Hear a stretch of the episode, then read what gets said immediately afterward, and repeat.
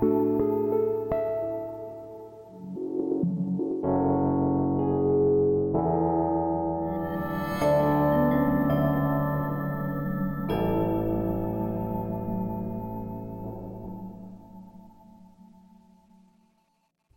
vet man om en terapeut är bra? Det ska vi fråga oss i dagens avsnitt av Modern Psykologipodden. Jag heter Karin Skagerberg och är chefredaktör på tidningen Modern Psykologi och den här podden gör vi ju tillsammans med bokförlaget Natur och kultur. Med mig i studion idag har jag psykologen Simon Fagernäs, välkommen! Tack så mycket! Du är psykolog eh, och du arbetar kliniskt i öppenvårdspsykiatrin men du är också doktorand i psykologi vid Karolinska institutet här i Stockholm. Mm. Och där forskar du om just kompetens hos terapeuter. Mm. Det är toppen eftersom att vi ska prata om det. Ja, eller hur. Ja. Men du, om man då, alltså bara till att börja med, bara ta steget och gå i terapi är ju, kan ju vara ett stort steg för många. Mm, mm. Man är där, man har hittat en terapeut, man kanske har googlat upp en som man mm. tycker verkar bra. Mm. Eller har man fått en tilldelad sig via vårdcentralen. Mm. Och så går man i terapi. Hur vet man att terapeuten man går till är något bra? Alltså det enkla svaret är väl att man mår bättre. Eller att man upplever att det känns som en framkomlig väg det man jobbar med, alltså mot det problem som man vill förändra. Jag tänker att vi kanske skulle behöva börja med att förtydliga lite vad, vad är terapi? Vad är en terapeut? Ja men absolut, kör! Och, så att jag tänker att lyssnarna vet lite vad det är vi pratar om när vi, när vi liksom slänger oss med de här orden. Och om man tänker sig terapi egentligen, det, det, det, det betyder är behandling. Och sen så kan man prata om liksom psykoterapi, psykologisk behandling, samtalsterapi, olika liksom delar. Men jag tänker att när vi säger terapi nu så det jag syftar på är det som kallas psykologisk behandling. Alltså att man har liksom samtalet som den behandlande insatsen. Om man tänker på vad en terapeut är så kan ju det vara en, en psykolog, en legitimerad psykolog, en psykoterapeut. Det kan ju vara någon som har en KBT-utbildning. Så det finns ju lite olika titlar på personer som bedriver terapi en sak som jag tänker är viktigt är att många av de här titlarna är inte skyddade titlar. Så det jag pratar om, eller det jag kommer prata om nu är de som bedriver terapi som har en legitimation egentligen. Jättebra. Det är jättebra att du förtydligar det. Det är inte hudterapeuter, det är inte så här healingterapeuter. Nej men, men precis, är... man kan, kan gå till coacher och jag vet inte, ibland när man går på stan så ser man ju så här, ja, samtalsterapi eller terapi och då kan det ju vara någon som, som har en metod som de har lärt sig på på något sätt. Och det, det vill jag också förtydliga att det är jättemånga som blir hjälpta av det. Mm. Alltså det, det, är inte så att jag säger att det är dåligt men om man vill ha någonting som är liksom kvalitetssäkrat, i alla fall där utbildningen är kvalitetssäkrad, sen så kan det vara olika skicklighet i hur man bedriver den metoden. Mm. Då, då kanske man ska gå till någon som är leg legitimerad. Och när jag har folk som jag känner och man själv har gått i terapi sådär, mm. det är ganska vanligt att man kanske inte mår toppen alltid mm. Mm. under hela terapin. Är det terapeutens fel om man börjar må sämre? Det beror ju på vad målet med terapin är. Om jag till exempel har en äh, ångestproblematik och jag är väldigt rädd för någonting, då är det klart att jag upplever ökad ångest om jag ska komma över den rädslan. Om jag har äh, problem med, alltså mycket av lidande handlar väl i, till syvende och sist om olika former av undvikanden. Nu är det olika skolor tänker olika kring vad liksom ett lidande beror på. Men det ligger lite i sakens natur att det blir en ökad påfrestning initialt när man ska förändra någonting som man har problem med. Så det tänker jag inte behöver betyda att det är fel på terapeuten. För att det, är, det kan vara liksom påfrestande att gå i en psykologisk behandling eller terapi. Ja, kris och utveckling liksom, tänker man ju ändå. Om frågan är så här, hur vet jag om, om så här, jag, jag går i en terapi, jag börjar må sämre, det känns liksom jobbigare eh, på många sätt eller på mm. några sätt så tror jag att en viktig bit är att man kan liksom prata med sin terapeut eller med sin psykolog eller vem det är man träffar om det. Och att man, man har en förklaringsmodell kring varför det blir en ökad påfrestning av olika slag. Så att man förstår vilken process det är man genomgår. Det är nog ganska bra om man kan ha den dialogen, att terapeuten inte undviker det och att man säger, okej, okay, ja men det är rimligt nu. Jag har, jag har de här relationella mönstren som, som jag försöker förändra nu. Det, jag fattar att det blir jobbigare för mig för jag försöker liksom jobba med någonting viktigt mm. att mm. förändra. Ja, det finns en lyhördhet hos terapeuten och en förmåga att kunna förklara vad man går igenom om man känner att, att man dippar alltså under behandlingen. Mm. Det är mm. ett viktigt kriterium. Ja men det skulle jag nog säga, absolut. Mm.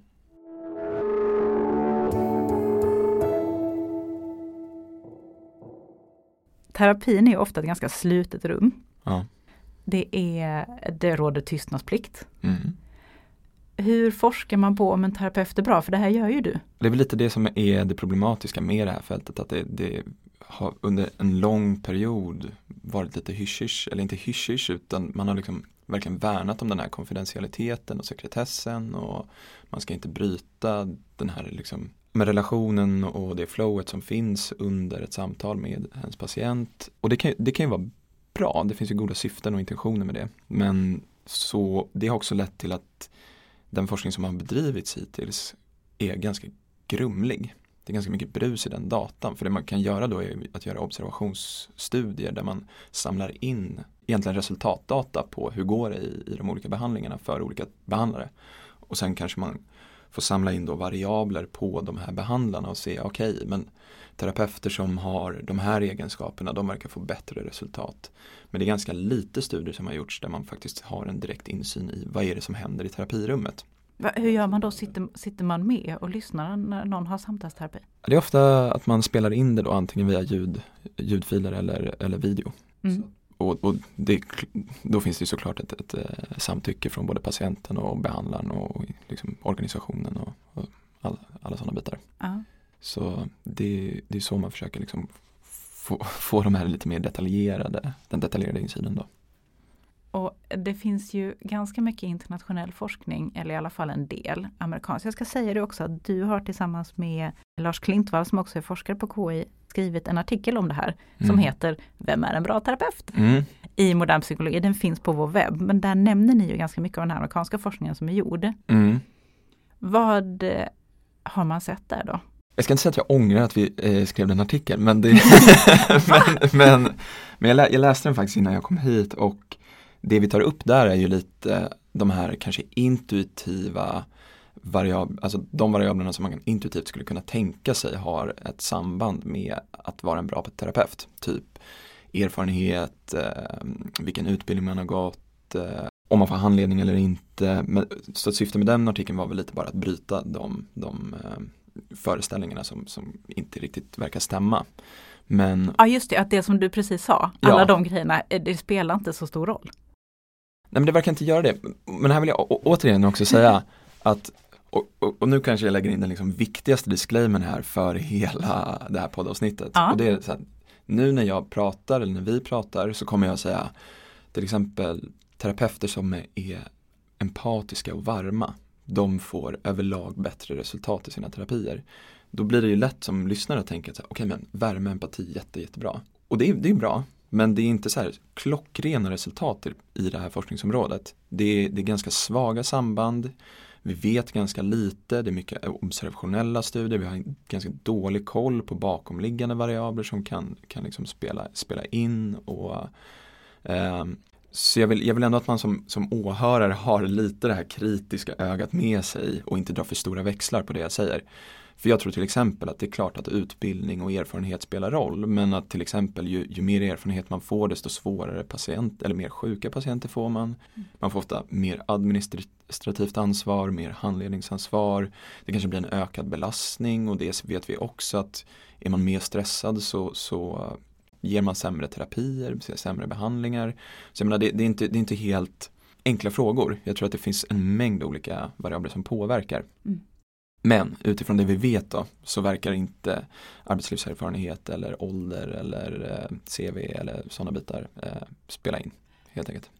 Det gör det ju mycket svårare att hitta för det är ju sånt man kan gå på. Jag tänker när man som privatperson ska leta till exempel efter en bra eh, psykolog eller terapeut. Ja, mm. precis. Och, ja, det var ju upplyftande. Ja, nej men det är precis, det är inte så upplyftande. Man skulle kunna liksom gå på rekommendationer egentligen. Det, det är väl ett ett hyfsat tips. Mm. Men det finns ju ganska mycket vi vet om också vad det är som utmärker terapeuter som är lite extra skickliga då. Just det, det här superterapeuterna. Ja, men Får exakt. man kalla dem för det? Uh, ja, Ja men det var, precis, och där kan, där kan vi väl börja med att säga så här att det finns en, en ganska stor variation. När man gör så här terapiforskning så för, försöker man ju komma fram till vad är det som förklarar en förändring i till exempel en symptomskattning eller ett, ett terapiresultat av något slag. Och då kan man ju då ser man att det finns en mängd olika saker som spelar roll. Det jag kommer att prata om nu är de variablerna eller faktorerna som är kopplade till terapeuten.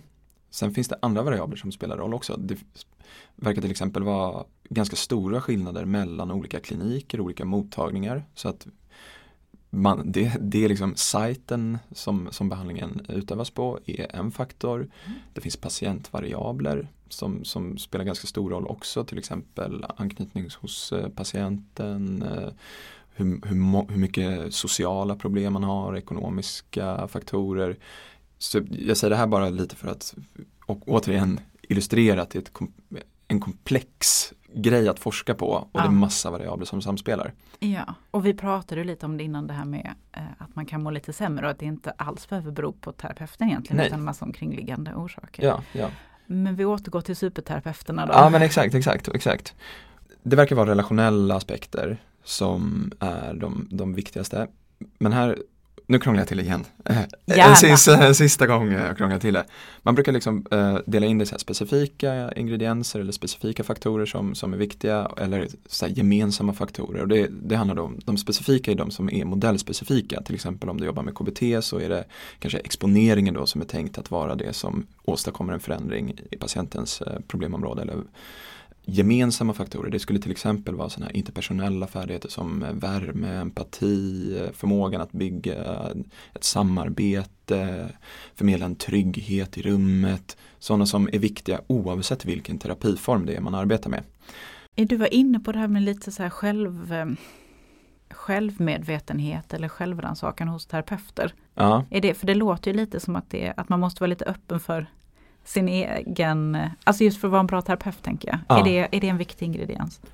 Ja, men det, verk, det, det är också så lite spännande, det finns vissa liksom korrelationer där, lite samband mellan om man har ett professionellt självtvivel. Mm. Men här måste man lägga till då att det här, det här eh, då behöver det också finnas en närvaro av en, något som kallas self-affiliation, alltså att man gillar sig själv och behandlar sig själv med omsorg och, och, och, och respekt. Ja ah, just det, att man inte bara är superkritisk. Nej, nej för då blir det inte bra. Nej. Utan det behöver finnas en pro ett professionellt självtvivel, mer som här, en reflektion kring hur kan jag utvecklas, hur kan jag göra den här terapin så bra som möjligt, vad är det jag kanske inte riktigt kommer åt med den här patienten utan att det blir mer som någon sorts självkritik eller negativt självprat eller grubblande eller så. För då, då, då försvinner den positiva effekten. På temat här för idag så handlar det lite om terapeuteffekter och vem, vad som utmärker en bra terapeut. Och jag tror att de som är väldigt skickliga, de har en flexibilitet och kan få goda resultat lite oavsett vilken typ av problem det är man jobbar med. Och det ser man ganska tydligt i forskningen också. Och det är, väl, och det är också en av de faktorerna som man ser eh, predicerar goda effekter överlag hos terapeuter. De som är flexibla och kan, om vi tar som ett banalt exempel, KBT kanske inte har jättemycket för eh, eh liksom relationer. Men jag tror att en bra KBT-terapeut kan få en väldigt god effekt på liksom, relationell problematik trots att det är KBT som är metoden. På samma sätt som en psykodynamisk terapeut kan få jättegod effekt på en mängd olika liksom, typer av, av, problem hos patienten. Så där kommer vi in på det här med flexibilitet och det blir också intressant för om man tittar på om man tar egentligen vad som helst. När man känner sig bra på någonting, det som händer då är ofta att man känner att man får en flexibilitet. Att man kan hantera situation, oavsett lite vilken situation som uppstår så kan man hantera den. Och det, verk, det är förmodligen så även i, i det här med psykologisk behandling och terapi hos terapeuten. Då. Och om, vi, om det var halvlätt att säga vad som kännetecknar en bra terapeut, vi, mm. vi har fått lite svar på det och även förstått hur svårt det är och när mm. vi har att göra med den här typen av relationer. Mm. Är det enklare att säga vem som är en dålig terapeut? Ja, ja det kanske det är och jag, Jo men det är det nog. Eh, för det blir ganska tydligt ju. Så här, patienten hoppar av. Det finns något som man kallat för treatment failures och då bakar man in liksom sådana saker som avhopp, symptom, förvärring, alltså att man mår sämre eller att det, man upplever liksom en mängd olika negativa effekter. Det är Alexander Rosenthal som jag tror har varit här i ja, den här podden. Ja, han, han, han pratar inte om just det. Men... Nej okej, okay. men han har ju lagt väldigt mycket tid och, och energi på att forska på det här som är superviktig forskning. Men om man tänker liksom negativa effekter, som biverkningar skulle man väl kunna kalla det, mm. av att gå i psykologisk behandling. Och det är ganska vanligt. Det är betydligt mer vanligt än vad man tror. Det är inte lika mycket biverkningar som kanske vi farmako...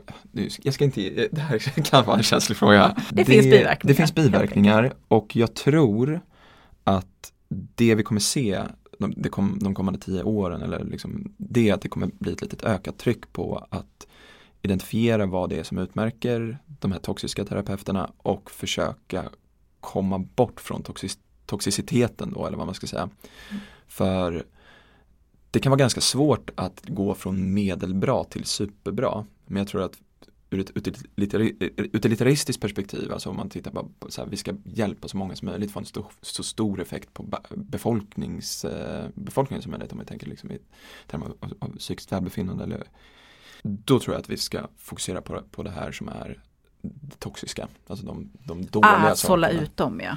Ah.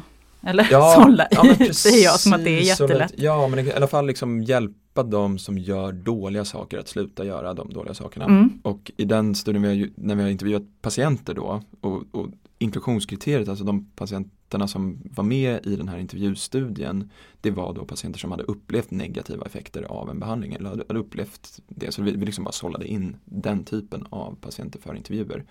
Och där framkommer det ganska mycket, alltså man kan dela det finns ganska många saker vi hittade där. Jag tror att det kommer ta lite för lång tid att gå igenom eller prata om. Men om man tänker om man delar in det i två lite mer intuitiva variabler så finns det direkt olämpliga saker som terapeuten gör. Typ så här, bryta konfidentialiteten eller bli alldeles för personlig eller vara var ilsken eller så här, så här, komma med privata, så här, nej men du, du ska göra så här. Alltså det, det bara är det är direkt olämpligheter. Mm. Och sen så finns det en annan faktor som kanske mer handlar om en avsaknad av eh, färdigheter. Att man kanske tycker att det blir alldeles för jobbigt att gå in i eh, emotionella teman eller man börjar undvika eller man kanske saknar kompetens att göra ett visst, eh, en viss övning med, med en patient på, på ett adekvat sätt eller att man inte har de, den teoretiska kunskapen som krävs. Så att de två liksom huvuddragen var väl det vi såg. Men det var, det var en ganska fascinerande studie för att det var mycket skit som kom upp verkligen. Eh, det är ju ja. både skrämmande och intressant. Ja, ja men mm. verkligen. Ja, precis. På tal om att det har varit lite hemliga rum så är det väl intressant att kunna i forskningen få lite insikt. Mm. Ja, ja men precis. Ja jag vet att det här är lite knepigt, så man bjuder hit en forskare mm. eh, som ska prata om ett ämne som är jättekomplext och sen så vill jag ha så här härliga populärvetenskapliga svar ja, som är så här, ja. mm. ge mig lite goda tips på vem som är en bra terapeut. Ja. Mm. Eh, och du sa att det kanske är svårt, men du nämnde en sak, att man kan faktiskt eh, gå på eh, tips. Nu känns ju det mm. lite personligt tycker jag om man går i terapi och någon frågar sig, vet du någon bra terapeut? Ska man dela terapeut då? Men man kan Just ju det. säga, jag, jag, gillar min. Mm. Eh, eller den personen kanske har en rekommendation. Kan det vara något? Alltså, mm. jag går till en terapeut som jag tycker är bra men jag vill inte dela min terapeut med någon annan. Men då kan jag fråga min terapeut om tips kanske. Mm. Om det är en, råkar vara en superterapeut då till exempel det, fin det finns ju också en del forskning som indikerar, även om det verkar vara så att eh, en viss typ av, eh, en viss andel av terapeuterna får, får liksom genomsnittligt bättre effekt, bättre resultat med en ganska stor andel av sina patienter så tror jag att det också finns liksom en, en, en personlig match då så att säga. Och oavsett, det kan ju vara så att den terapeuten som det funkar väldigt bra för dig med kanske inte funkar för mig med. Och, och den första punkten jag skulle vilja liksom lyfta fram det är att, att man reflekterar lite kring vad är det jag tycker är problematiskt? Vad är det jag vill ha hjälp med? Och så kan man kanske söka lite, så här, vad, vad finns det för evidens för den här typen av problematik? För det blir ganska dåligt om man till exempel har en specifik fobi, alltså att man är rädd för någonting väldigt konkret, väldigt tydligt, typ att åka tunnelbana. Mm. Och så går man i eh, Eh, en relationell terapi. Alltså det, det, det, blir, det blir en dålig match då mot vad problemet är. Så att, att man kollar upp lite grann vilken evidens finns det för den här typen av problematiken. Ja, Eh, man hittar en inriktning lite för det som man, alltså jag har mycket Exakt. ångest eller Ja. jag har problem med mina relationer eller Ja, men exakt, okej. exakt. Ja, det är ju en googling bort faktiskt. Det är en googling ja. bort. Mm. Lite så här, ja, men jag, jag oroar mig fett mycket. Mm. Jag tycker att det är skitjobbigt att jag oroar mig så här mycket. Okej, men metakognitiv terapi verkar funka superbra för, för personer som oroar sig för mycket. Ja, men jag tycker att det är jobbigt med relationella mönster. Ja, men då kanske jag ska kika lite på en psykodynamisk det. Alltså är det med att det kan vara Mm. ett första vägval beroende på vad, vilket problem det är man liksom upplever sig ha. Mm. Det är ett jättebra tips tycker jag, för då har man ju smalat in lite, för det tror jag att de flesta inte tänker på heller. Utan man tänker så här, terapi är terapi, och Ja. sen så hamnar man hos någon. Nej men precis, men, men det, det kan vara en, en bra första väg. Det ökar ju också faktiskt lite, även om det kanske inte är sant eller så, men om, förmodligen ökar det lite ens tilltro till att det kommer funka. Så att då kommer vi in lite på det här plötsligt med Ja, placeboeffekten och, Mm, och mm, på tal om- allegiance och- ja, absolut. precis. Men sen det, det andra tipset är väl lite att om du känner att det känns bra med terapeuten så är det jättebra. Det tyder ju ändå på någon form av, av liksom relationell färdighet hos terapeuten som är viktig.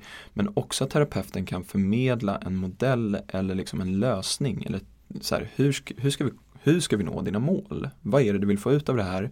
Jag kan erbjuda det här. Är det någonting vi har missat i vår jakt på den perfekta terapeuten? Jag gillar ordet, svenska ordet lagom och rimlig. Eh, rimlighet. Och om det känns rimligt. Nu har vi varit inne lite på så här detaljer och sådär. Men eh, jag tror att det är viktigt att det känns så, liksom, rimligt. På många sätt. För när, man, när, vi koll, när vi har gjort de här studierna också så är det när det börjar bli rätt far out there som det, det kan bli lite tokigt på något sätt. Ja, det känns orimligt.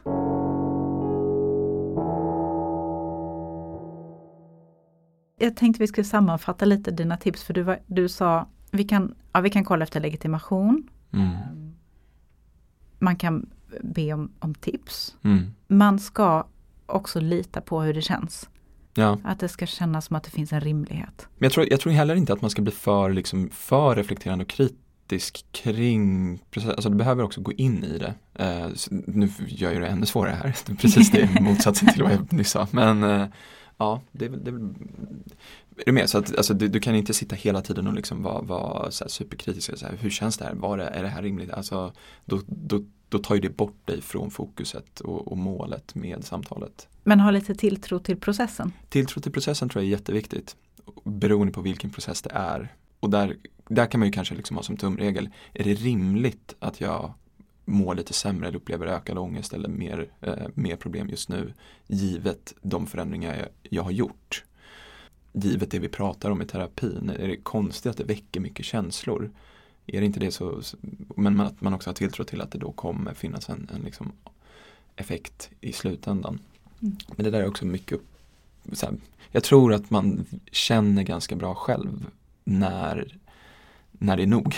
Mm. När det inte blir, blir bra. Mm, och lita på det också. Men i de bästa fallen så, så ska man ju få en, en positiv effekt ganska snabbt. Och det är också någonting som predicerar eh, slutgiltiga resultatet. Eh, där ser man ju ganska, alltså de patienter som upplever en liksom förbättring redan efter några sessioner de går det nästan alltid ganska bra för i slutändan också. Det ska inte vara så att det behöver ta 15, 20, 30 sessioner utan det, det, det, ska, det ska förhoppningsvis gå ganska snabbt. Jättebra. Mm. Det får bli de avslutande orden idag. Ja, tack men så tack. jättemycket Mm. för att du kom Simon. Ja, ja men tack.